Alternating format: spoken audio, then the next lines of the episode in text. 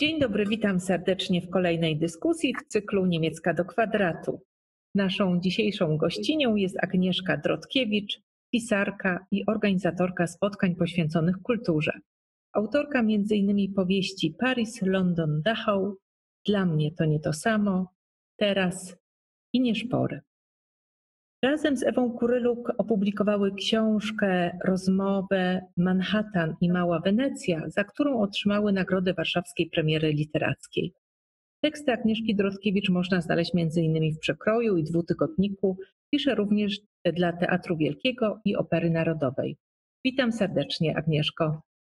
Witam, bardzo mi miło i bardzo dziękuję za zaproszenie. A my dziękujemy, że je przyjęłaś. Oprócz naszej gościni Agnieszki Drodkiewicz dyskutują w stałym składzie Małgorzata Niemczyńska, dziennikarka Gazety Wyborczej, reporterka dużego formatu, autorka książki Mrożek, Striptease, Neurotyka, laureatka Nagrody imienia Barbary Łopińskiej oraz Nagrody Dziennikarzy Małopolski, trzykrotna finalistka konkursu Grand Press. Dzień Witamy. dobry, niezmiennie mi miło. Członek kolejny stałego składu Marcin Wilk, autor książek, dziennikarz, publicysta, krytyk, kurator programów związanych z literaturą. Jego teksty znajdą Państwo m.in. w Polityce, Tygodniku Powszechnym, Przekroju, w Czasie Kultury, Dekadzie Literackiej, w Harcie i tak dalej, i tak. Prowadzi blog literacki Wiliczanka, opublikował książki Tyle Słońca, Anna Jantar, biografia, Kwiatkowska, Żarty się skończyły i Ostatnia Pokój z widokiem, lato 1939. A spotkanie prowadzi Elżbieta Jeleń, kierowniczka działu Biblioteka Informacja w Goethe-Instytut w Krakowie, organizatorka projektów literackich i tłumaczeniowych.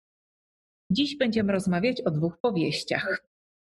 Co dalej, Szary Człowieku Hansa Palady, wydanej przez wydawnictwo Sonia Draga w polskim przekładzie autorstwa Grzegorza Guzika oraz opowieści Sybil Leberg Ludzie szukają szczęścia i umierają ze śmiechu, która w polskim przekładzie Beaty Budkiewicz ukazała się nakładem wydawnictwa Oficyna 21.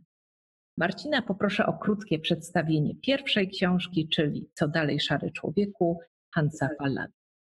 A przy okazji się przywitam. Dzień dobry albo dobry wieczór, to w zależności od tego, to o której porze nas słucha. Bardzo się cieszę, że zgodziłyście się przeczytać Hansa Falladę, bo tu coming out na potrzeby tego spotkania, to ja chciałem, żeby Hans Fallada pojawił się.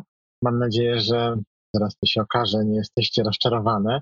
Wybrałem jedną z dwóch jego książek, książek uznanych za najważniejsze, ale zanim o nich, a zwłaszcza o tej jednej powiem, to słówko o, o samym autorze, bo wydaje mi się, że to jest postać warta tego, by go jakoś wprowadzić, zwłaszcza jeśli ktoś po raz pierwszy słyszy to to imię i nazwisko, a w zasadzie pseudonim, bo tak naprawdę Hans Fallada to Rudolf Ditzen, żyjący w latach 1893-1947.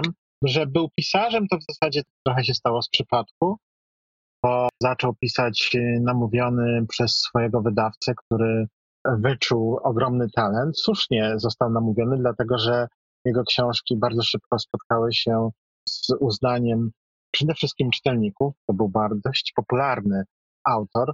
W życiu prywatnym borykał się z, z rozmaitymi problemami, usiłował popełnić samobójstwo, był uzależniony od narkotyków, przebywał na leczeniu. Książka, ta jedna z tych dwóch najważniejszych, to jest Co dalej, Szary Człowieku, ukazała się na początku lat 30.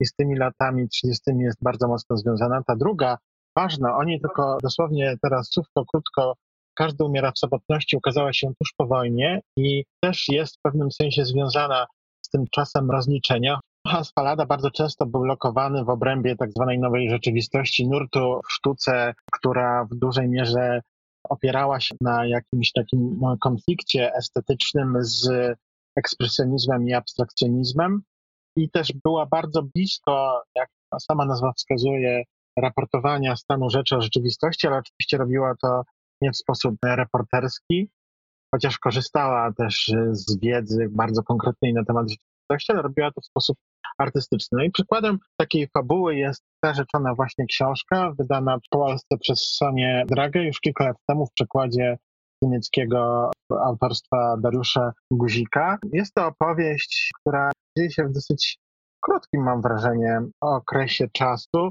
To jest początek lat 30.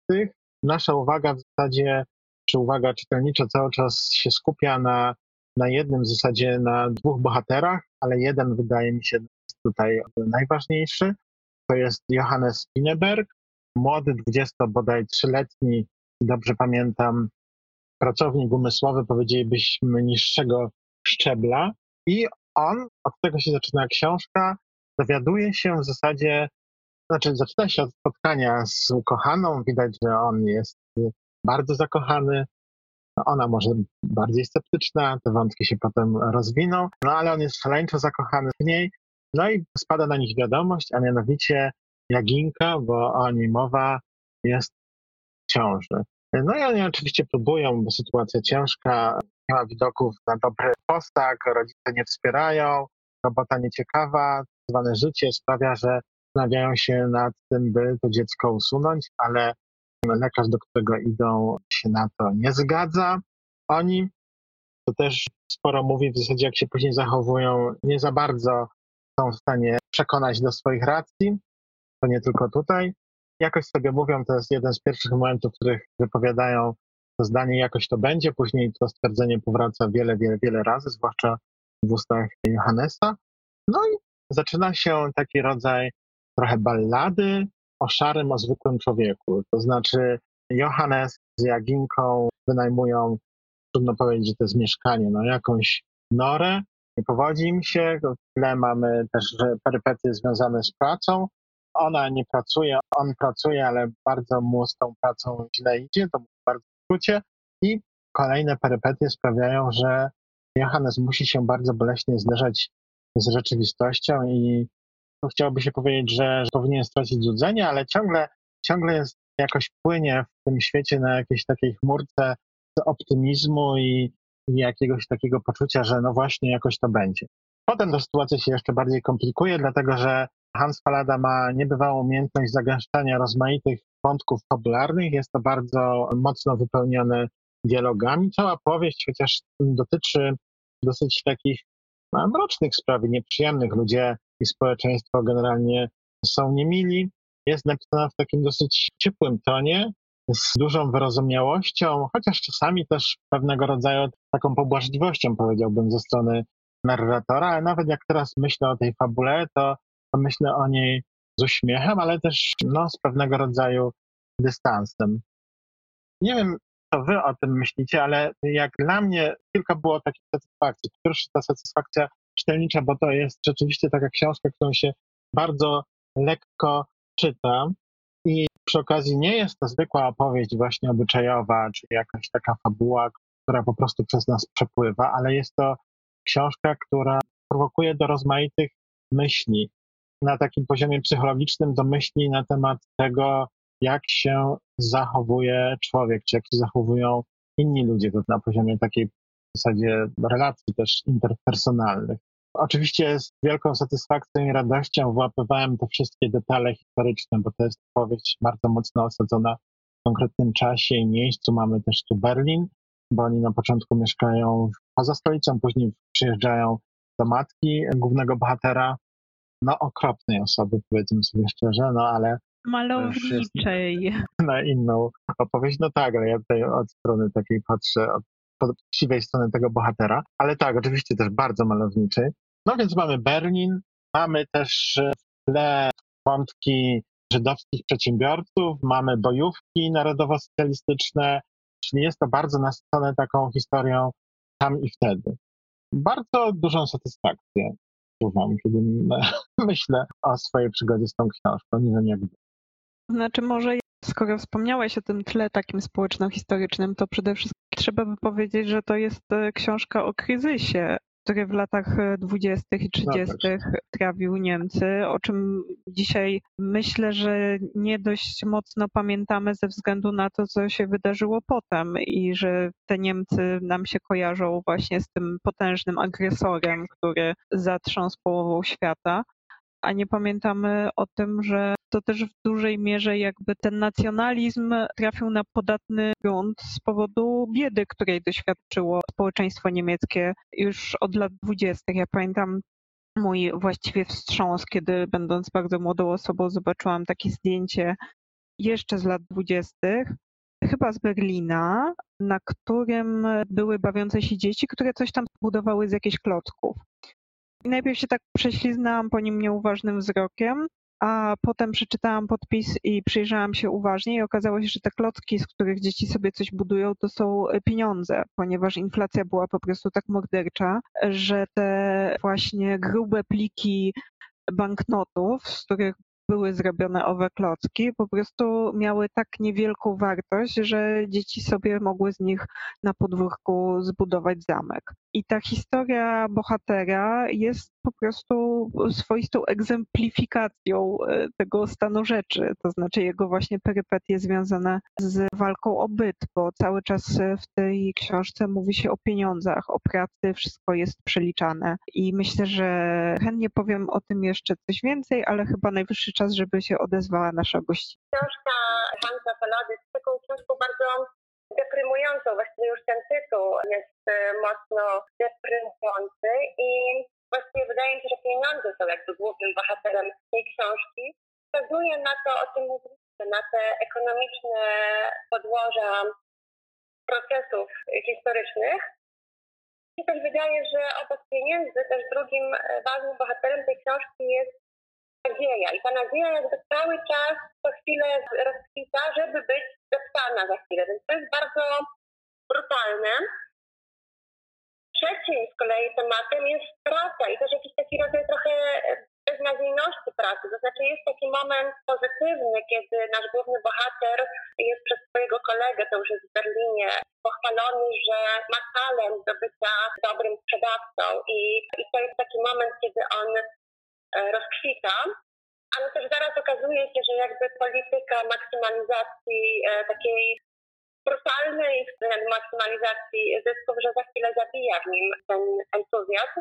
Ja też czytałam tą książkę trochę jako taki rodzaj, może nie podręcznika, ale też takiego pamiętnika z trudnych czasów i takiej informacji praktycznej, a raczej może pokazania, że te informacje praktyczne, że praktyczne rady, że są sytuacje, w których praktyczne rady są bezsensowne. I tu na przykład pomyślę na temat oszczędzania, ponieważ jest taki moment, kiedy ta główna bohaterka przygotowuje taką listę, budżet, którego mają się trzymać i jest właśnie bardzo, oni są bardzo zmotywowani, chcą przetrwać tak naprawdę w jakiś taki sposób e, bardzo rozsądny. I przypomniał mi się taki felieton które czytałam jakiś czas temu Piotra Stankiewicza, w którym on pisał o tym, że ludzie biedni myślą zupełnie inaczej niż ludzie bogaci. I pokazywał też na tym przykładzie, pisał o pewnej niemożliwości zastosowania pewnych rad, jak na przykład racjonalnego gospodarowania pieniędzmi, że to jest rada, którą można dawać ludziom tylko do pewnego stopnia, że jeśli na przykład mówi się ludziom, żeby żyli poniżej swoich możliwości, żeby odkładali pieniądze, to to jest możliwe tylko pewne poziomy, to znaczy poniżej tego, no nie da się już żyć poniżej poziomu zero. I wydaje mi się, że gdzieś jakby tego przykładem jest e, bardzo piękna i bardzo wzruszająca scena, kiedy główny bohater kupuje toaletkę, której właściwie jest kompletnie, ta toaletka jest lub nie za droga, właściwie zabiera nie wiem, chyba 80% ich miesięcznego budżetu, ale to jest jakieś takie jego wyobrażenie o jakiejś, nie wiem, godności, jakieś marzenie o takim życiu normalnym.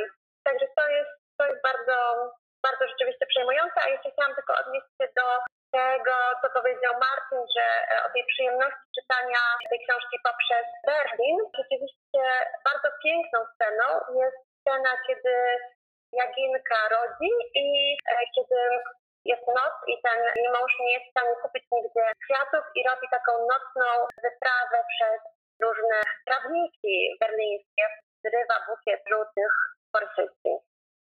To chyba tyle na razie. Teraz czytałam go przez pryzmat naszej obecnej sytuacji ekonomicznej i wydawało mi się, że ta książka nie straciła nic na aktualności. 80-90 lat od czasu jej powstania i wydania, Natomiast takie sceny jak e, zatrudnianie przez wielki sklep pracownika za ciężkie pieniądze, który ma to wszystko zracjonalizować i zwiększyć zyski, on sam jest potężnym wydatkiem, który jeszcze doprowadza do zniszczenia stosunków między pracownikami, wyciskania botów, bo zaczyna się między tymi pracownikami, którzy może się lubią mniej czy bardziej, ale egzystują obok siebie i są w stanie wypracować jakiś zysk. Nagle pojawia się taka niesamowita konkurencja, wyścig szczurów i walka o to, kto przetrwa.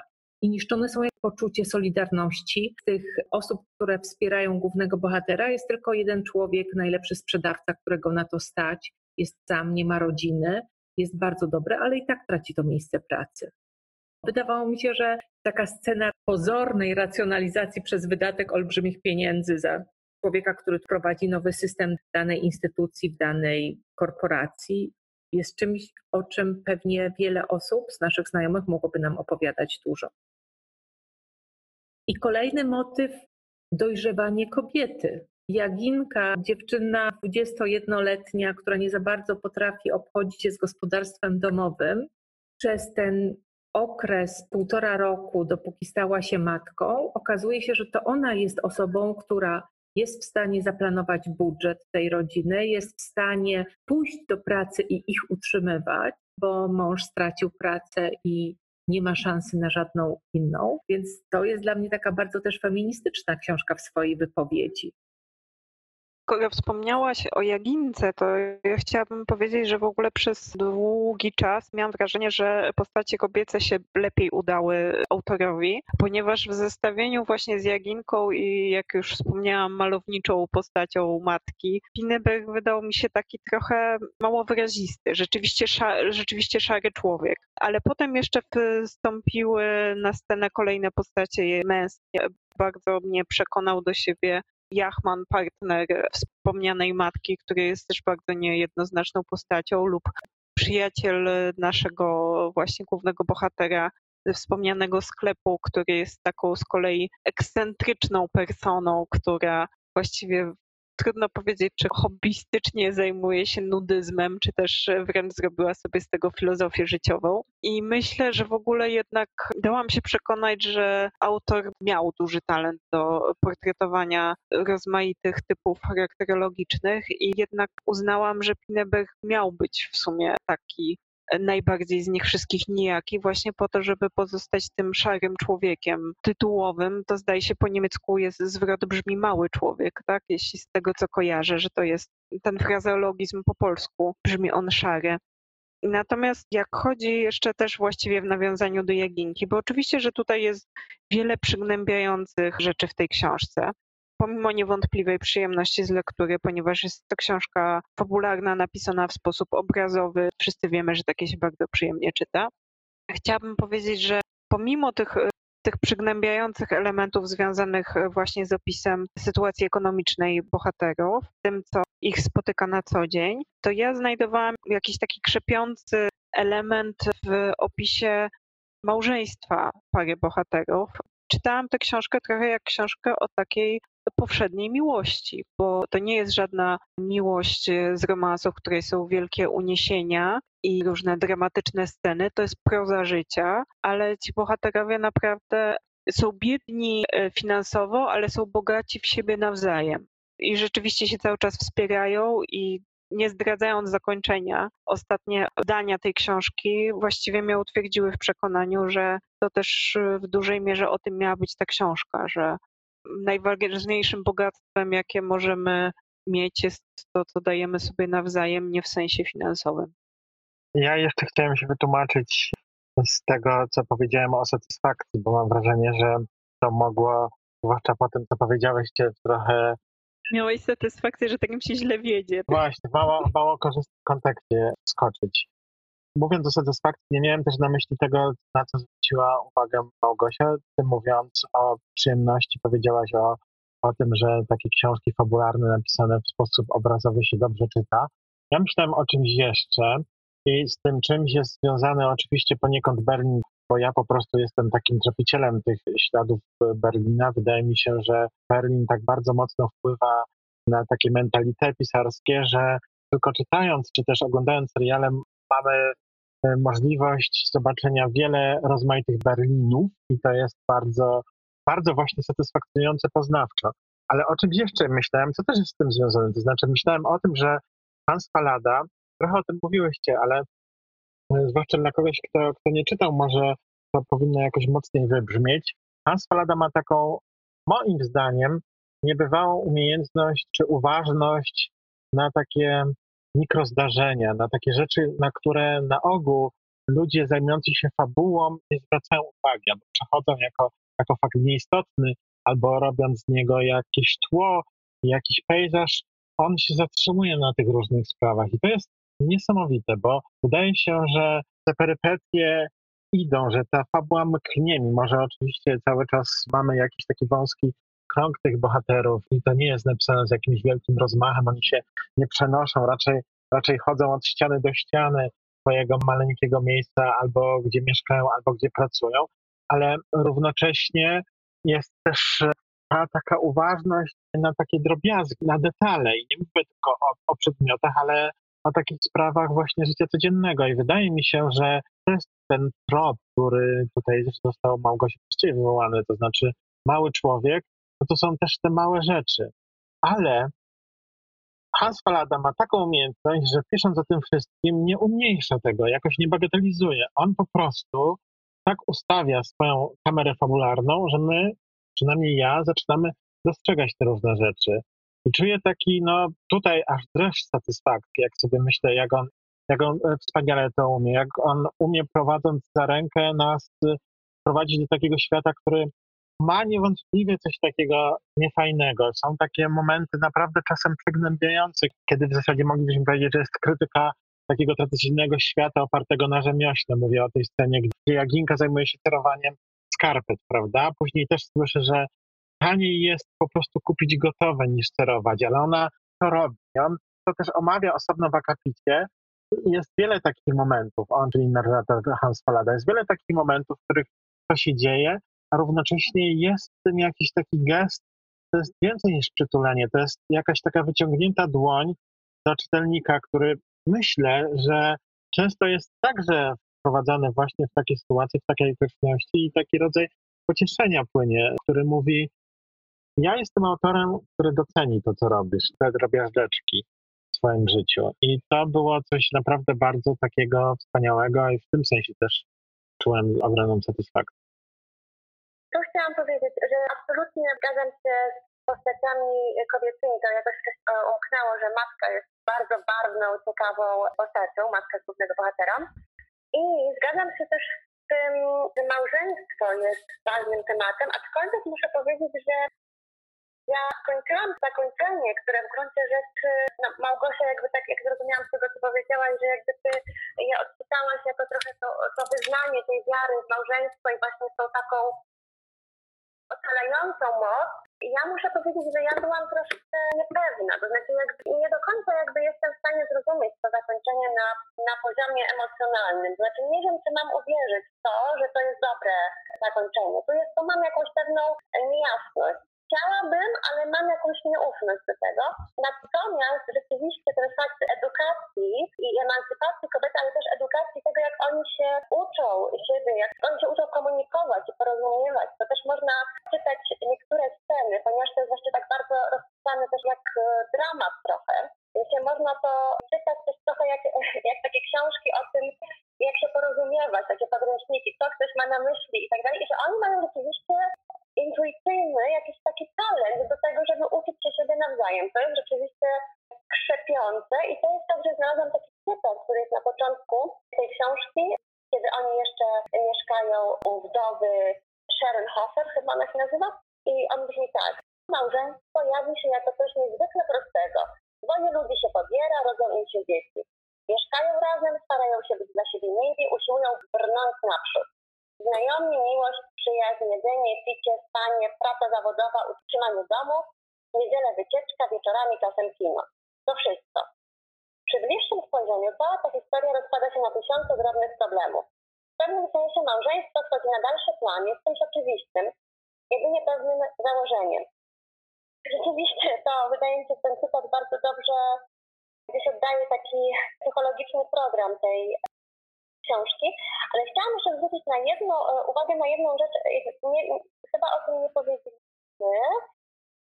To jest jakby taka historia w historii, czyli jest ten moment, kiedy przyjeżdża przebrany ojciec naszego głównego bohatera i postanawia zrobić jakieś przyjemności. Często te przyjemności jest wyjście do kina i oni wychodzą do kina i oni w jakimś sensie oglądają film o sobie.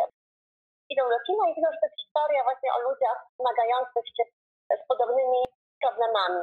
I jakiś czas później ten właśnie aktor, który występował w tym filmie, e, przychodzi do sklepu, w którym pracuje nasz e, główny bohater i to nie jest powiedziane dlaczego, ale ja tak zrozumiałam, że chodzi, że on się przygotowuje do roli i że po prostu chce zbudować jakąś postać, więc zastanawia się, jak ta postać będzie ubrana i wypytuje naszego głównego bohatera, a co nosiłby taki chłopak z Akersztaty. Zajmuje mu chyba pół dnia. Ten jest oczywiście bardzo podekscytowany, ponieważ tak jak Ela e, mówiła, że e, pod wpływem tego dyktatu jakiegoś nowoczesnego sposobu e, zmniejszania zysków, oni muszą wyrobić jakieś bardzo wysokie normy i on ma nadzieję, to jest taki jeden z ostatnich dni, on ma nadzieję, że wyrobi tą normę tym aktorowi i widzi też w nim jakiegoś takiego wybawiciela ze swojej ciężkiej sytuacji.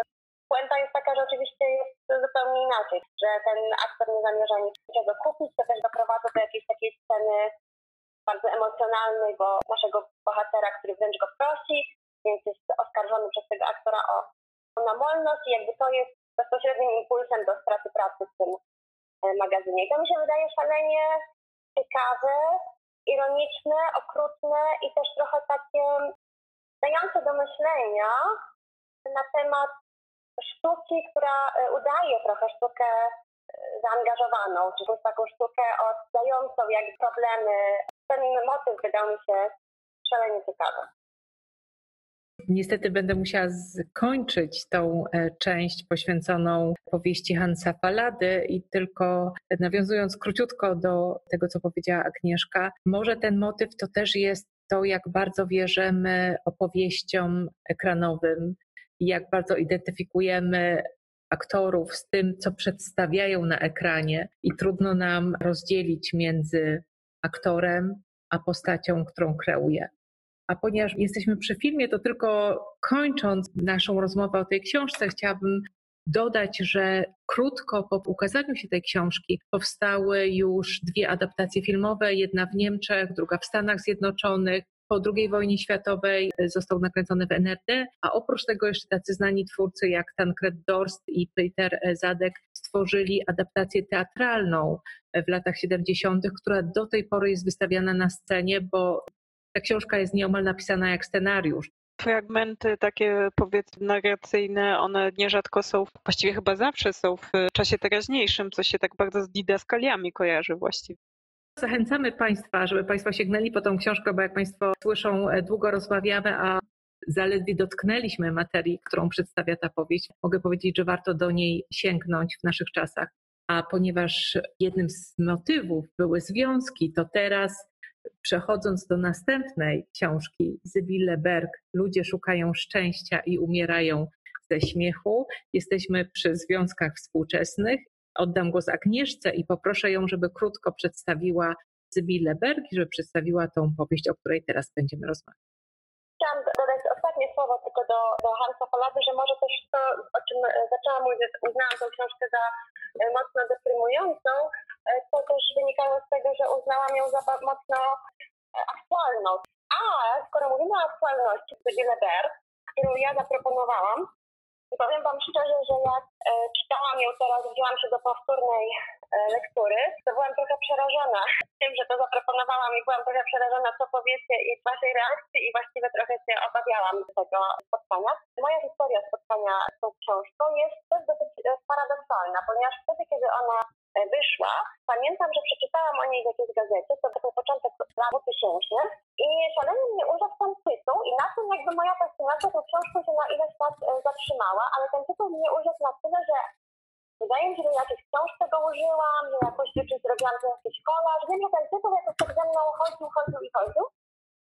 I przeczytałam ją dopiero chyba dwa czy trzy lata temu, kiedy pisałam takie różne notki na temat współczesnej literatury niemieckiej i byłam pod wrażeniem, że ten tytuł, który powtórzmy, ludzie szukają szczęścia i umierają ze śmiechu, jest tytuł, a okładka jest taka pastelowa, jest jakieś niebieskie niebo, jest filiżanka z kawą, więc w gruncie rzeczy można sobie pomyśleć, że to jest jakaś taka książka, która nas właśnie wprowadzi w dobry nastrój, jakaś taka coś, która jest śmieszna i taka jakaś może pechowa bohaterka, ale w gruncie rzeczy wszystko się kończy dobrze. I to jest takie właśnie coś takiego pogodnego. I jest zupełnie inaczej. Jest to książka niesamowicie i ekstremalnie brutalna.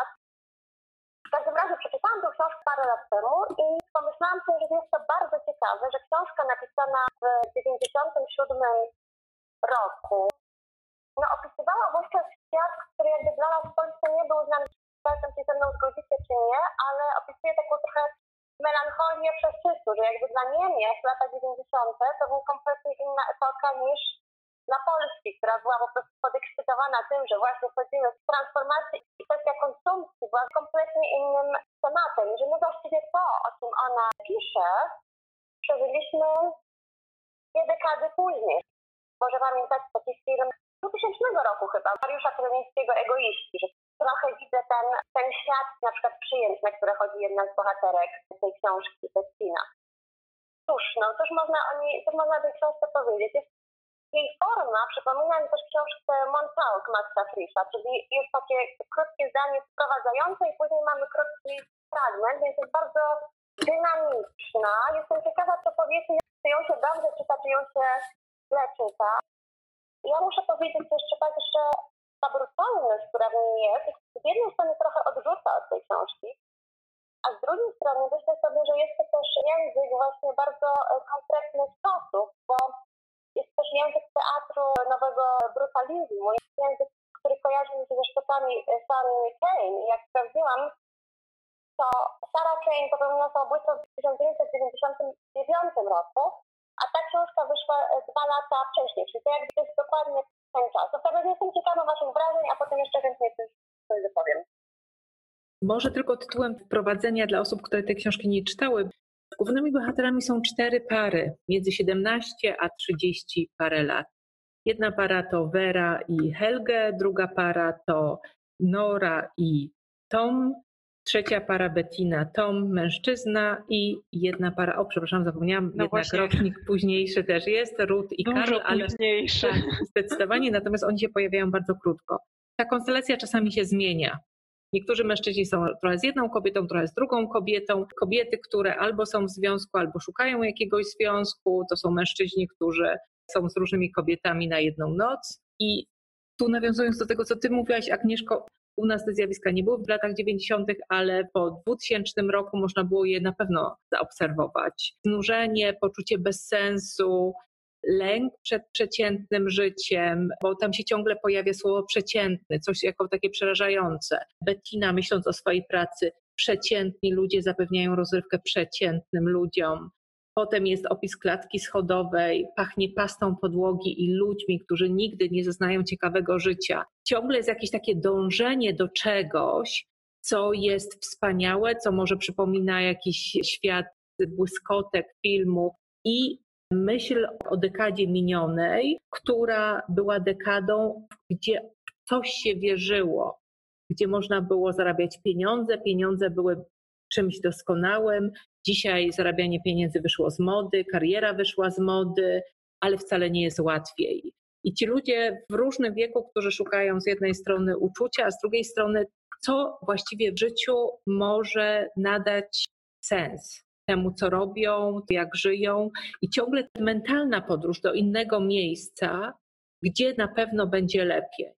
Powiedziałaś, Agnieszko, że jesteś ciekawa, jak zareagujemy na tę propozycję i że nawet się trochę przestraszyłaś czytając e, ponownie, więc śpieszę cię uspokoić, że jestem ci bardzo wdzięczna, że zwróciłaś mi uwagę na tę książkę, którą rzeczywiście przegapiłam jakoś w zalewie nowości wydawniczych, kiedy ona się ukazała w tym 2003 roku. I bardzo się cieszę, że tę zaległość nadrobiłam. Również czuję się uwiedziona przez tytuł mam słabość do długich, melodyjnych tytułów i jego ironia, bo bardzo szybko się człowiek przekonuje o tym, że ten tytuł jest ironiczny, również do mnie przemawia.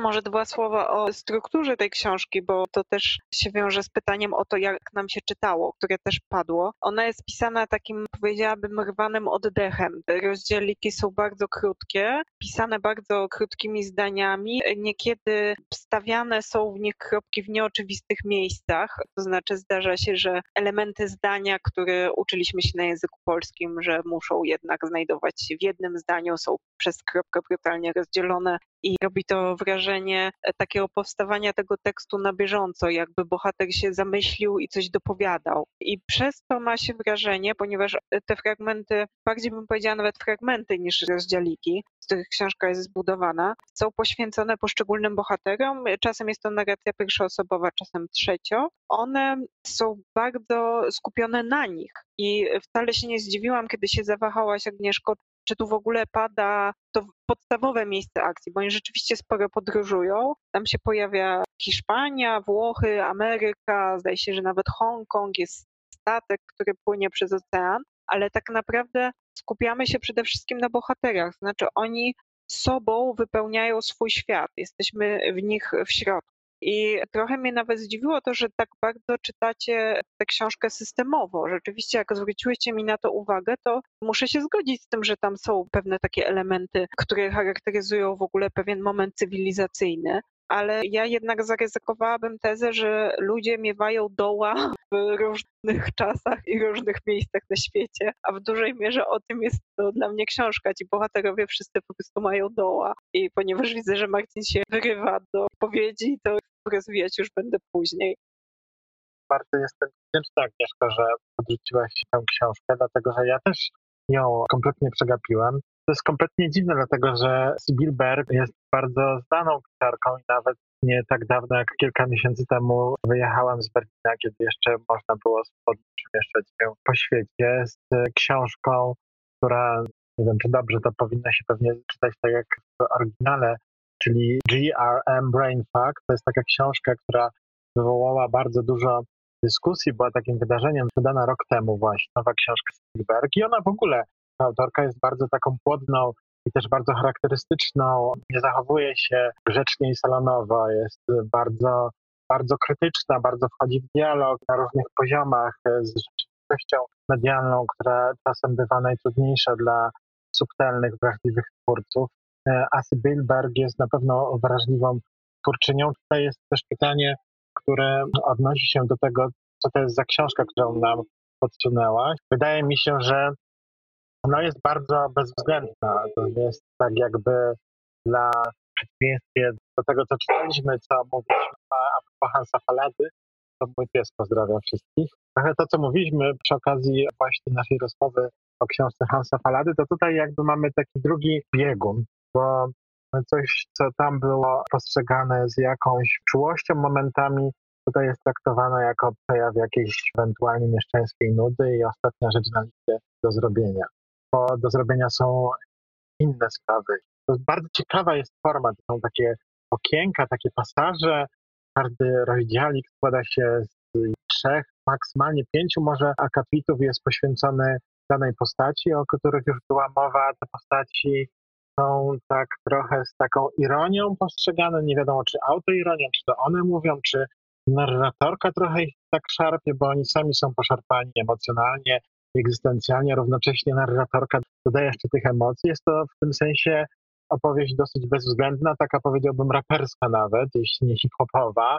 To znaczy tutaj nie ma litości, jest dużo brudnych spraw, pada dużo brzydkich wyrazów, jest mnóstwo seksu, oczywiście nieudanego, a zarazem jakiejś miłości, którą ktoś chciałby, żeby się pojawiła, ale wiadomo, miłość jest czymś, co jest niedostępne. To, co mówię, to jest do opowiadania do tych dołów. I to jest ciekawe, ten wątek jakoś się tak uwypuklił, że to jest w pewnym sensie opowieść historyczna. Ona powstała w końcu lat 90. i opowiada o historycznych już sprawach. Kontekście tego, co się dzieje w Polsce, nie wydaje mi się, to znaczy wydaje mi się, że jest bardzo aktualna. Mnóstwo do mnie dociera rozmaitych historii, które są tutaj opisane, bardzo podobnych. I nie wydaje mi się też, żeby one były bardzo związane z sytuacją gospodarczo-ekonomiczną czy konsumpcją. Na pewno są, ale to, co mówiła Małgosia, wydaje mi się, że one po prostu są związane z pewnego rodzaju no nie wiem, indywidualizmem, rozpadem więzi, ze zwróceniem uwagi na samorozwój, na podmiotowość, na to, że ludzie boją się na przykład wiązać, no bo rzeczywistość temu nie sprzyja, społeczeństwo jest niemiłe, kultura wroga i tak dalej. Ale no właśnie, Bilberg pisze o tym, to trzeba pamiętać, takiej pewnego rodzaju złości, tak jakby chciała drasnąć bohaterów, siebie i nas też przy okazji i w pewnym sensie wypowiadając te pewne rzeczy, być może zwrócić nam na coś uwagę. Nie czytam tego w tym sensie bardzo dosłownie, chociaż jak mówię, te historie są jakoś mi tam znane z życia, nie z literatury. Jest w tym taka prawie że pieśń polityczna, tak bym rzekł.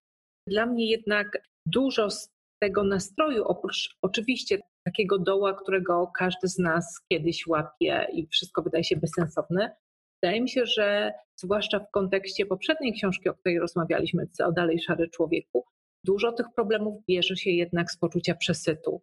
To są ludzie, z którymi my teraz możemy jako społeczeństwo się w zupełności zidentyfikować, bo należymy do bardzo zamożnych społeczeństw tego świata.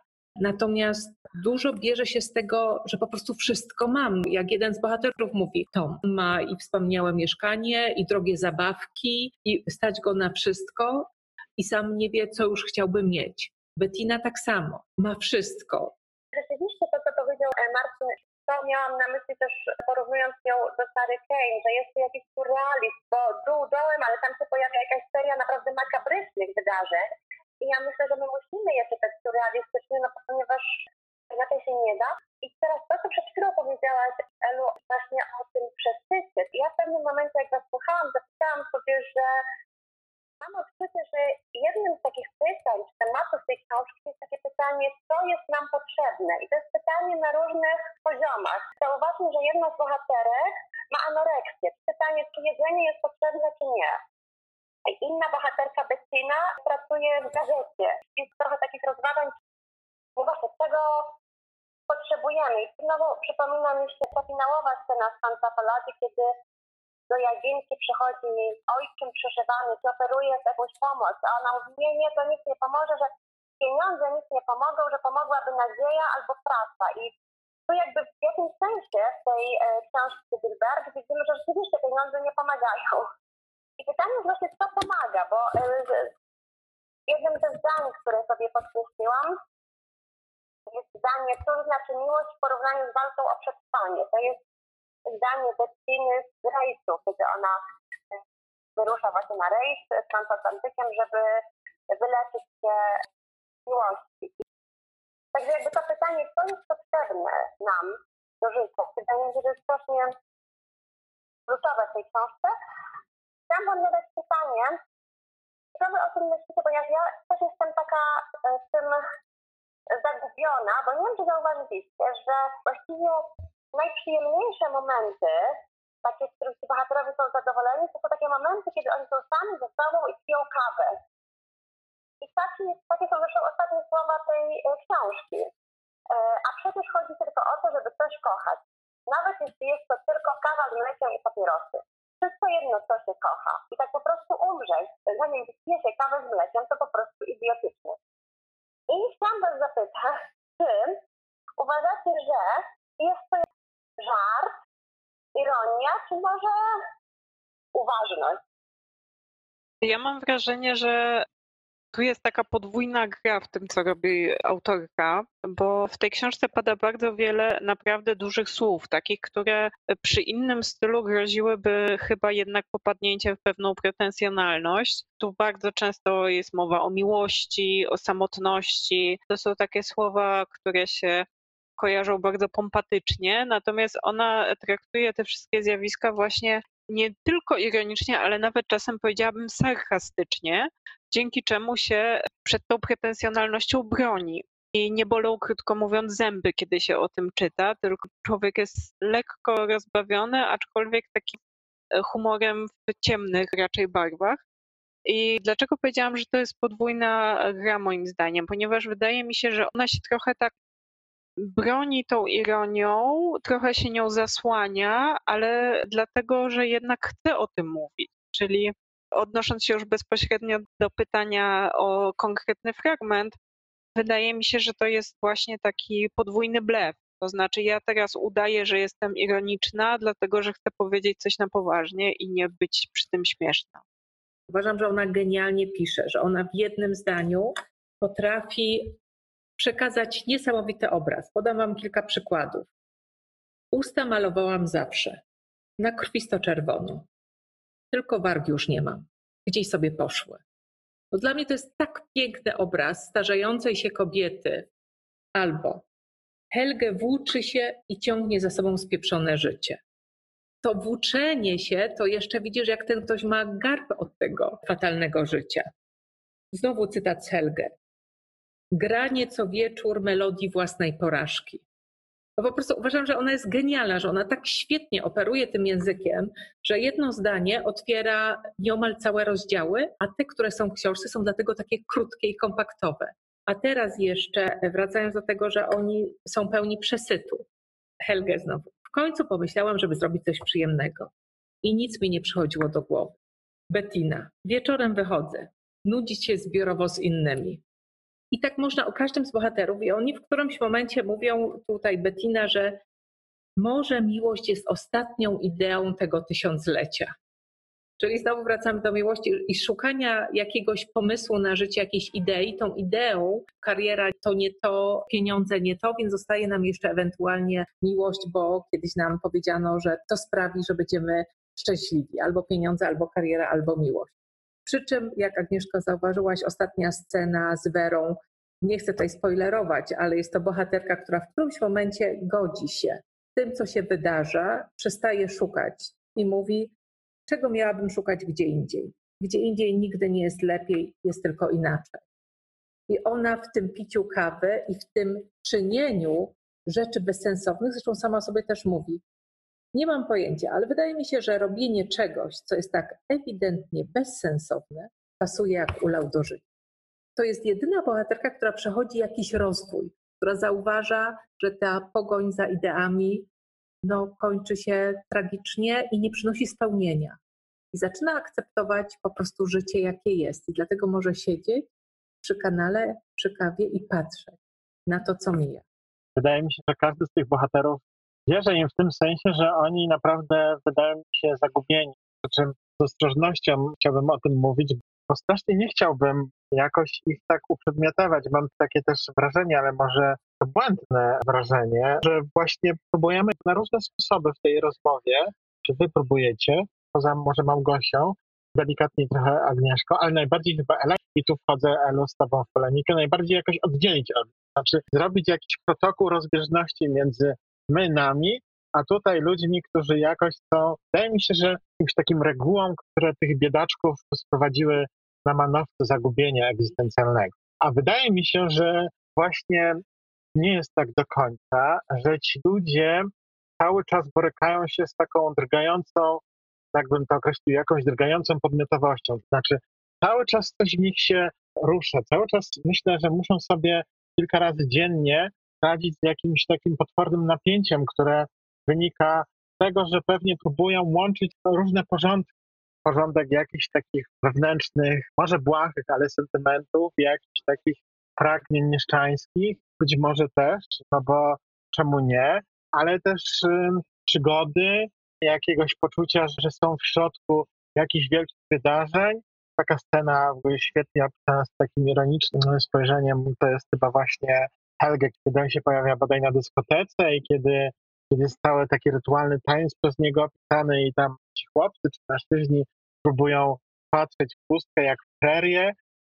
Wydaje mi się, że bardzo dużo rzeczy, które się dzieją, po prostu y, to są rzeczy, które dzieją się na takim poziomie bardzo intymnym w ludziach, bardzo takim też szczerym. I to, co jest wartością ogromną, to jest właśnie, powiedziałbym, to też takie duże i niebezpieczne słowo co literatury, ale no szczerość. To znaczy, że Spielberg próbuje no, wyciągnąć tę taką szczerość, wyciągnąć tę taką intymność. Ona jest trudna na wielu różnych poziomach. Po pierwsze, bardzo łatwo wpada się banał i wtedy można utrącić łeb tej, tej hydrze, bo co to za temat.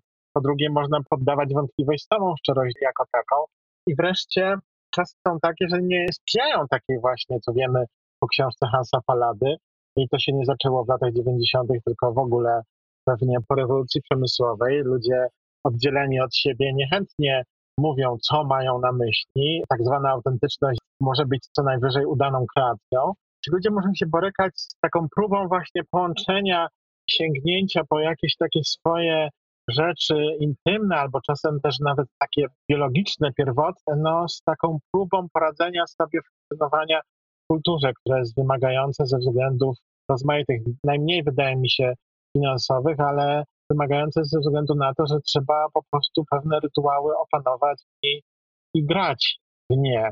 I to sprawia, że do tego świata wkrada się nieszczęście i ono rządzi bohaterami. I tak ważne słowa jak miłość nie przestają być jednak ważne. Cały czas są, są powtarzane, aż jakby tracą swoją moc, ale nie tracą swojej mocy. Ludzie, myślę, bardzo głęboko cały czas w tę miłość wierzą i wystarczy ich po prostu poruszyć. I wtedy co im pozostaje? Cieszyć się z filiżanki. Wydaje mi się, że w ogóle nie jesteśmy w żadnym konflikcie i inaczej ich nie widzimy. Być może ja się po prostu niedobrze wyraziłam. Znowu nie wyszło. I całkowicie wierzę w to, że szukają czegoś w swoim życiu, jakiegoś pomysłu, jakiejś idei, czegoś, dlaczego warto żyć. Nie stawiam się wyżej wobec tych bohaterów jako ktoś, kto przeszedł taki etap w swoim życiu i wie, że z pewnymi rzeczami trzeba się pogodzić. Ten trop, że Bettina pracuje w gazecie i często mówi, co ona tym ludziom czy kobietom wciska. Ci ludzie stają się tak bardzo zagubieni, bo świat wciska im jakieś pomysły ten świat, który nas otacza, konsumpcyjny, pokazuje, że jeżeli będziemy tacy albo owacy, albo będziemy mieli to czy tamto, to wtedy będziemy mieć szczęście. I oni są tymi ludźmi, których ta pokusa reklamowa uwiodła i którzy temu zawierzyli. Nie chcą być tymi przeciętnymi, bo no ci przeciętni to nuda. A opisany w gazetach, w mediach świat jest tym, do czego przychodzi mi dążyć. I to dążenie nie jest spełnieniem. Tak ich odczytuję. Wszystkim bardzo dziękuję Wam za te opinie dotyczące szczerości. Chciałam odpowiedzieć Martynowi, że nie oddzielam się od tych bohaterek i bohaterów. Myślę też, że trudno jest się od nich oddzielić, bo też bohaterowie są bardzo opisani przez ciało. Też może dlatego ona bardzo mocno na mnie działała i też może się bała, co Wy powiecie. Ale myślę że właśnie też takim dużym talentem Bilberg jest to, że ona e, właśnie ma bardzo dużo punktów widzenia. Ona jest bardzo sprawnym socjologiem. Ona jest też bardzo sprawną sarkastyczną obserwatorką. I Marcin i Małgosia już mówili, że książka im się podobała, to też się do tego przyłączę. Mnie bardzo ucieszyła, oprócz samej lektury i przypomnienia autorki, bo Marcin już wspomniał, w Niemczech Sybille Berg jest bardzo znaną postacią na scenie literackiej i scenie teatralnej. E, ona nie tylko pisze powieści, jest także autorką dramatów. Dlatego tak cenne jest, że chociaż jedną książkę polscy czytelnicy mogą przeczytać i rozkoszować się prozą Zybile Berg. Bardzo, bardzo gorąco dziękuję Agnieszce Drodkiewicz, dziękuję Małgorzacie Niemczyńskiej, Marcinowi Wilkowi, dziękuję wszystkim, którzy zechcieli nas posłuchać i mam nadzieję na kolejne spotkanie, czy to analogowe, czy online. Do widzenia.